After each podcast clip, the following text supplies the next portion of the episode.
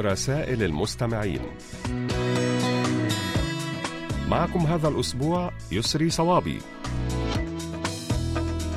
أهلا بكم أحبائي وأصدقائي في كل مكان. السلام عليكم ورحمة الله وبركاته. هيا نبدأ حلقة جديدة من برنامجكم المحبب رسائل المستمعين. وفي البداية أشكركم أيها الأصدقاء الأعزاء على تعليقاتكم حول الموضوع الذي طرحناه الأسبوع الماضي وهو ما الذي يلفت انتباهك بسرعة في شخص ما لكي تعجب به. وسوف نستعرض خلال هذه الحلقة بعض الردود التي جاءت إلينا على صفحتنا على فيسبوك. اكتبوا لنا أيها الأصدقاء على صفحة القسم العربي على فيسبوك وأيضا إذا كان لديكم مقترحات بأفكار ترغبون في مناقشتها عبر البرنامج أرجو منكم إرسالها إلى بريد القسم العربي أو إلى ركن رسائل المستمعين.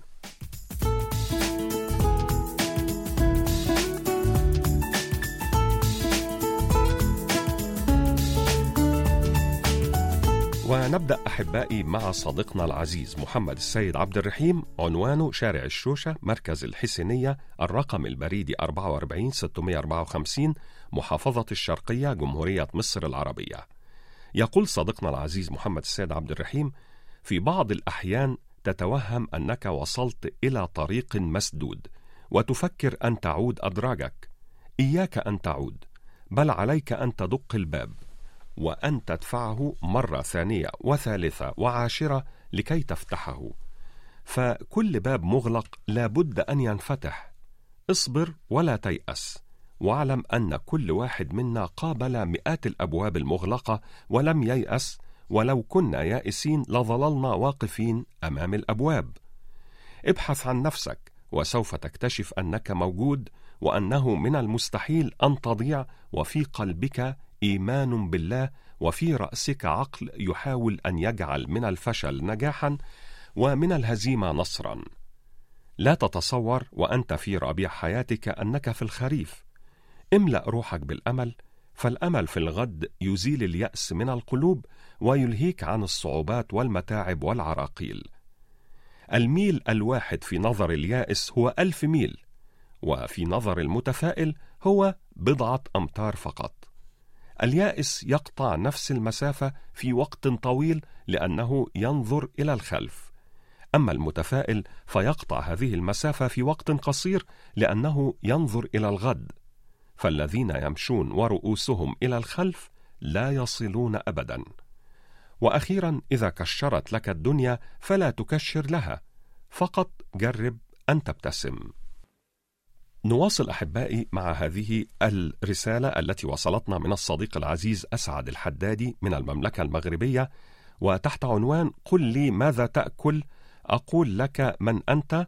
علاقة الطعام بهوية الشعوب. يقول صديقنا العزيز أسعد الحدادي في إحدى حلقات كي بي إس وورلد راديو كان الحديث عن الطبق الكوري الشهير بيبيمباب.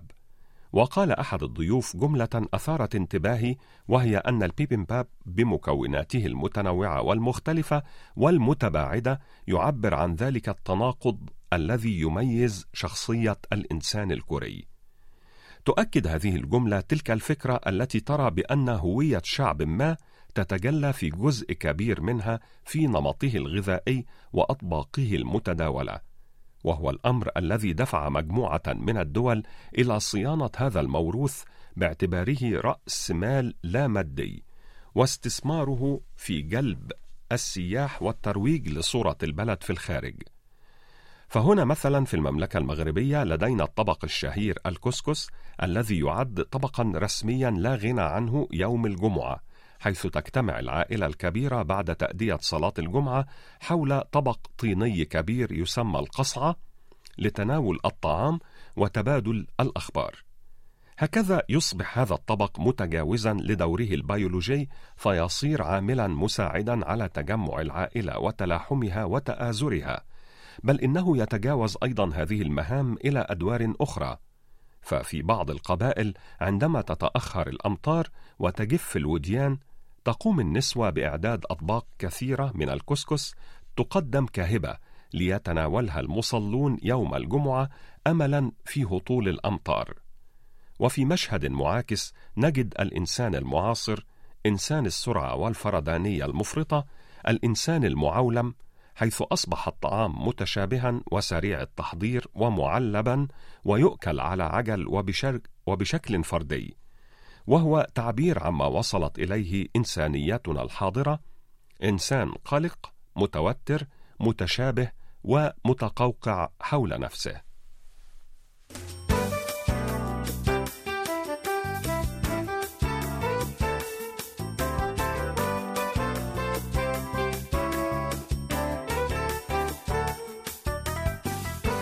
الآن لدينا هذه المساهمة السريعة من صديقنا الدائم بإذن الله محمد بودوخة وعنوانه صندوق بريد 98 العلمة أو العلمة 19600 ولاية سطيف الجمهورية الجزائرية. وقد أرسل إلينا هذه الحكم. الابتسامة كلمة طيبة بغير حروف. الكلمة الطيبة جواز مرور إلى كل القلوب. لا تفكر في المفقود حتى لا تفقد الموجود. من قنع من الدنيا باليسير هان عليه كل عسير. إذا ازداد الغرور نقص السرور. الضمير المطمئن خير وسادة للراحة. من يزرع المعروف يحصد الشكر. البستان الجميل لا يخلو من الأفاعي. العمر هو الشيء الوحيد الذي كلما زاد نقص. أخيرا المال خادم جيد لكنه سيد فاسد. لدينا الآن أيها الأصدقاء قصة عربية قديمة من مستمعنا العزيز حمزاوي محمود حمزاوي عنوان جمهورية مصر العربية أسوان صندوق بريد 279 يقول حكى الأصمعي فقال كنت أسير في أحد شوارع الكوفة فإذا بإعرابي يحمل قطعة من القماش فسألني أن أدله على خياط قريب. فأخذته إلى خياط يدعى زيدا وكان أعور. فقال الخياط والله لأخيطنه خياطة لا تدري أقباء هو أم دراج. فقال الأعرابي والله لأقولن فيك شعرا لا تدري أمدح هو أم هجاء. فلما أتم الخياط الثوب أخذه الأعرابي ولم يعرف هل يلبسه على أنه قباء أم دراج. فقال في الخياط هذا الشعر خاط لي زيد قباء ليت عينيه سواء. فلم يدر الخياط أدعاء له أم دعاء عليه. فمعنى هذا الشعر يح يحتمل أن يكون الخياط أعمى أو أن يكون سليم العينين. والقباء ما يلبس فوق الثياب أما الدراج فهو ما يلبس تحت الثوب. أيها الأصدقاء الأعزاء صديقتنا المحبة دائما كنزة سليماني من الجزائر أرسلت إلينا هذه المساهمة عن الزجاج وتقول بدأ البشر يصنعون الزجاج ويستخدمونه منذ آلاف السنين لكن الطبيعة تصنعه بنفسها قبل الإنسان بكثير. وتقدمنا السريع في القرن الحادي والعشرين جعلنا ننتج ونستخدم المزيد من الزجاج. فهو موجود تقريبا في كل جزيئات منازلنا وحياتنا اليومية. ولكن ما مقدار ما نعرفه حقا عن الزجاج؟ لنستمع معا لبعض الحقائق المثيرة للاهتمام حول الزجاج. الزجاج مصنوع من الرمل فلإنتاج الزجاج يتم خلط الرمل مع الجير ورماد الصودا ويتم تسخينه في درجات حرارة عالية جدا. إضافة المعادن إلى الزجاج يغير من لونه. فالمزج بين المعادن الأخرى ومكونات الزجاج يعطينا لونا مختلفا.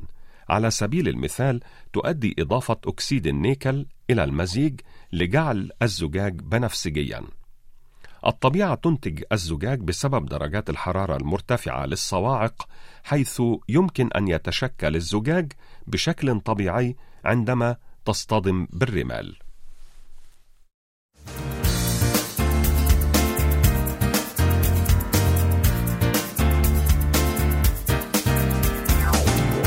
شكرا جزيلا لك يا صديقتنا العزيزة كنزة سليماني من الجزائر ونهديك ولكل الأصدقاء الأعزاء هذه الأغنية الكورية اللطيفة بعنوان جتيم للفنانة جوي.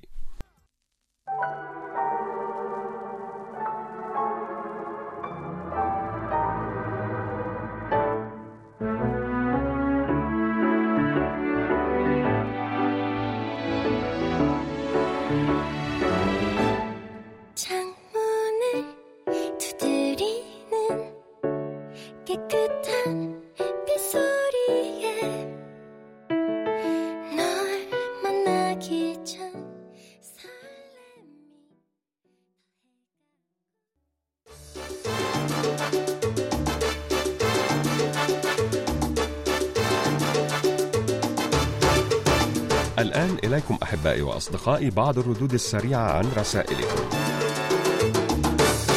أحبائي وأصدقائي أدعوكم جميعا لإرسال تسجيلاتكم الصوتية التي تحتوي على مساهمات أو كلمات كتبتموها بأنفسكم أو مقترحات أو أفكار تريدون توصيلها عبر البرنامج.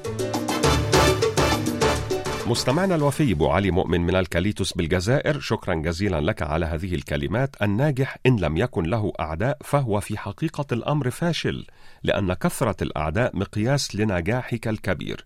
فهم يدعمونك للأمام وللصمود. وواثق الخطوة يمشي ملكا اذا لا تبالي واستمر.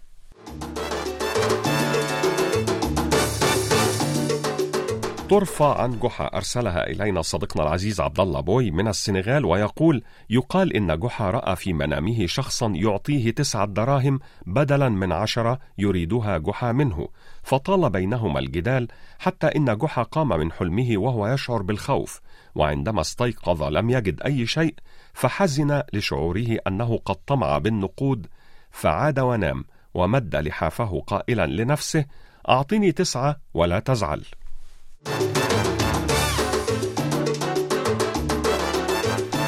وعن قلعة تسمى قلعة مدينة جيان أرسل إلينا صديقنا العزيز المستمع جمال عبد الله من تونس هذه المعلومة. قلعة جيان محلها بالأندلس وقد بناها المسلمون يحيط بها الآلاف من أشجار الزيتون التي جلبها المسلمون معهم من الشام.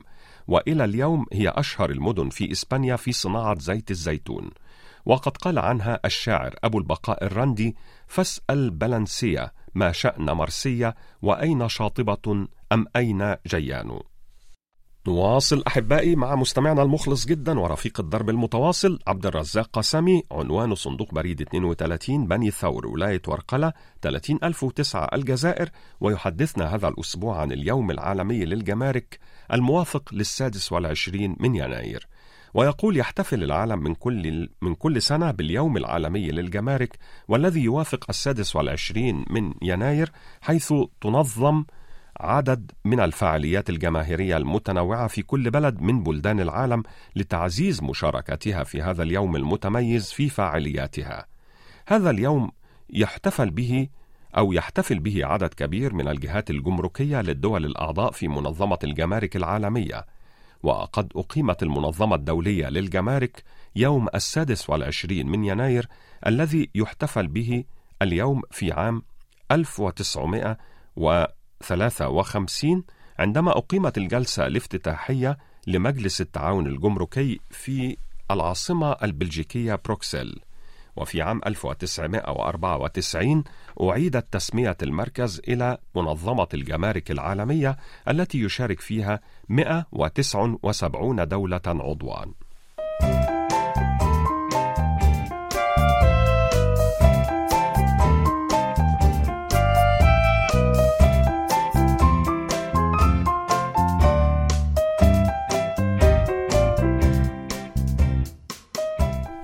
عن الليالي الشتوية في المملكة المغربية تدور هذه المساهمة التي أرسلها إلينا مستمعنا العزيز معاد بالكريد عنوان أولاد إبراهيم أولاد برحيل تارودانت المملكة المغربية 83300 يقول يعتبر دخول الليالي أو أربعينية الشتاء من أشد أيام الشتاء برودة ومن اسمها نعرف أن مدتها أربعون يوما وقد قسمها أجدادنا قديما إلى عدة مسميات.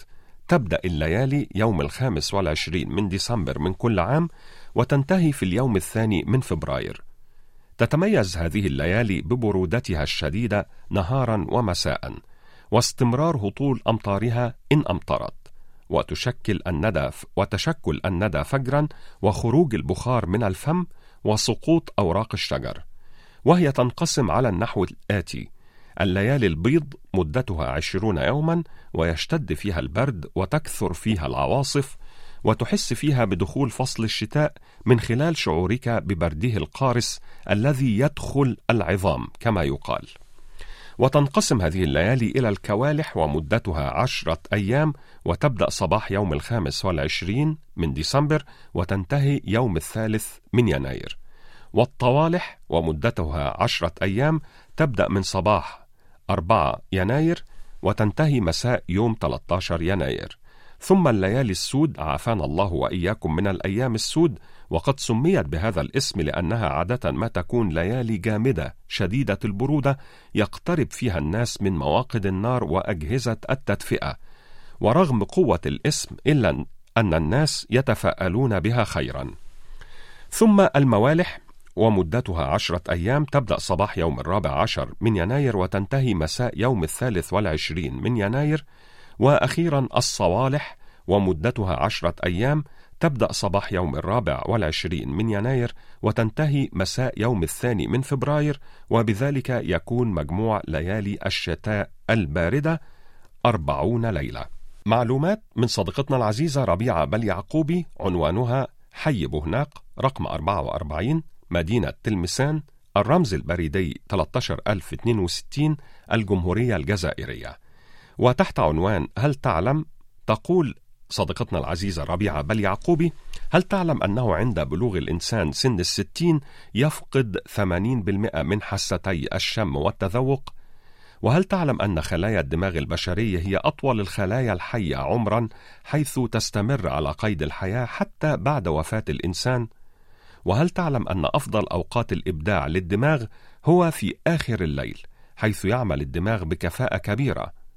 وهل تعلم أن مادة النحاس تقوم بتنظيف نفسها تلقائيا من البكتيريا خلال ثماني ساعات؟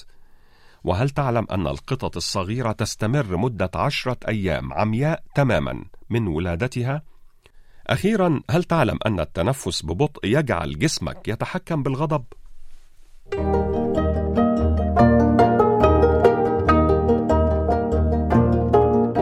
قضية الأسبوع وموضوعنا هذا الأسبوع هو ما الذي يجعلنا نعجب بشخص ما؟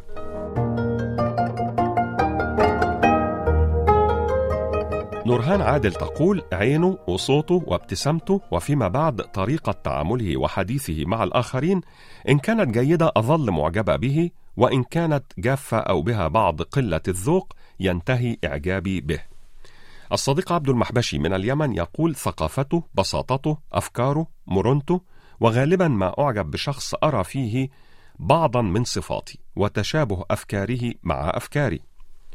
الصديق عبد الملك الرماغة يقول أخلاقه وأن يكون متعلما ومثقفا فالتواصل مع هذا النوع من البشر له عديد من الفوائد.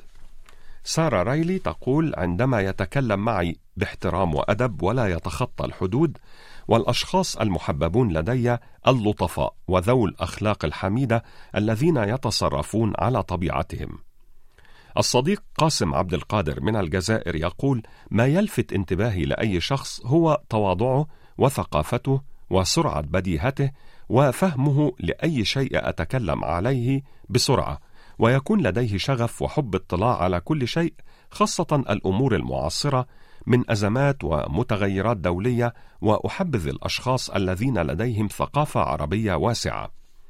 أخيرا سايوري تقول أن يكون واثقا من نفسه ولكن ليس زيادة عن اللزوم لدرجة الغرور وأن يكون بشوشا مرحا لا يشعرك بمدى قسوة هذه الدنيا وينسيك آلامك.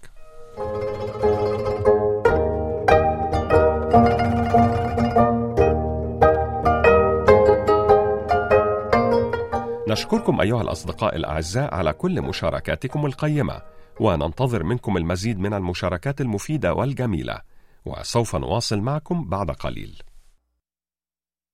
نواصل أحبائي مع مستمعنا الصديق المخلص عمر حربيط العوني عنوانه صندوق بريد 108 المونستير 5060 الجمهورية التونسية ويحدثنا هذا الأسبوع عن قصة المثل العربي الشهير لا ناقة لي فيها ولا جمل.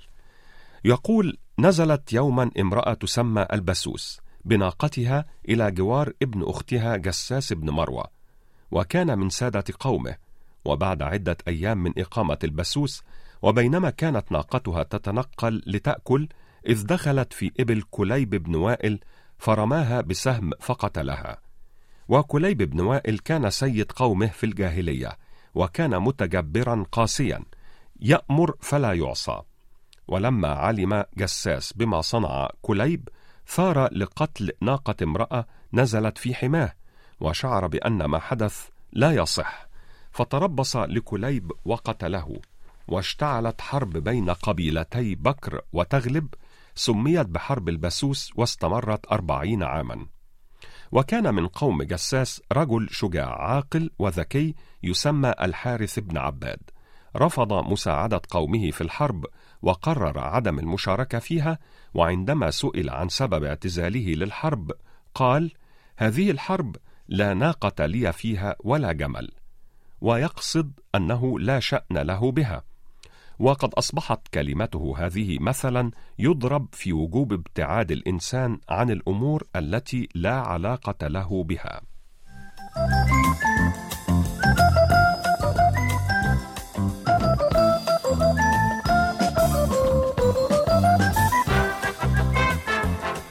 الآن نختتم حلقتنا هذا الأسبوع أيها الأصدقاء الأعزاء مع مساهمة جميلة كالمعتاد من صديقنا العزيز الدكتور نوري عبد الرزاق من الجمهورية الجزائرية ويقول: الكلمة الطيبة جوهر ثمين، إنها تكسبنا سحر العقول بحسن الأخلاق.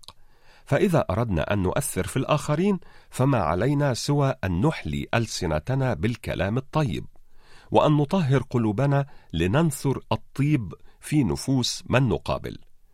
كل إنسان يحتاج إلى من يخفف عنه بابتسامة أو كلمة طيبة تسعد القلب. لهذا كانت الكلمة الطيبة صدقة. وإذا استقبلت العالم بنفس واسعة رأيت حقائق السرور تزيد وتتسع وحقائق الهموم تصغر وتضيق.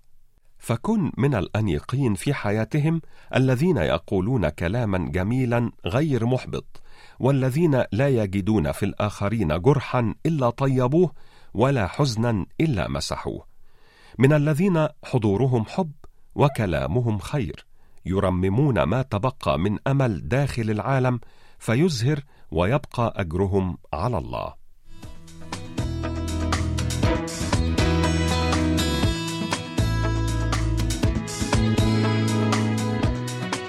بهذه الكلمات الإيجابية الجميلة نكون قد وصلنا أحبائي وأصدقائي إلى ختام حلقة هذا الأسبوع من برنامجكم المحبب رسائل المستمعين. نعدكم أيها الأصدقاء الأعزاء بأن نلتقي بكم في مثل هذا الموعد من الأسبوع القادم إن شاء الله. وحتى ذلك الحين إليكم تحيات مخرجة البرنامج قمر كيم يونغ وهذه تحياتي يسري صوابي. thank you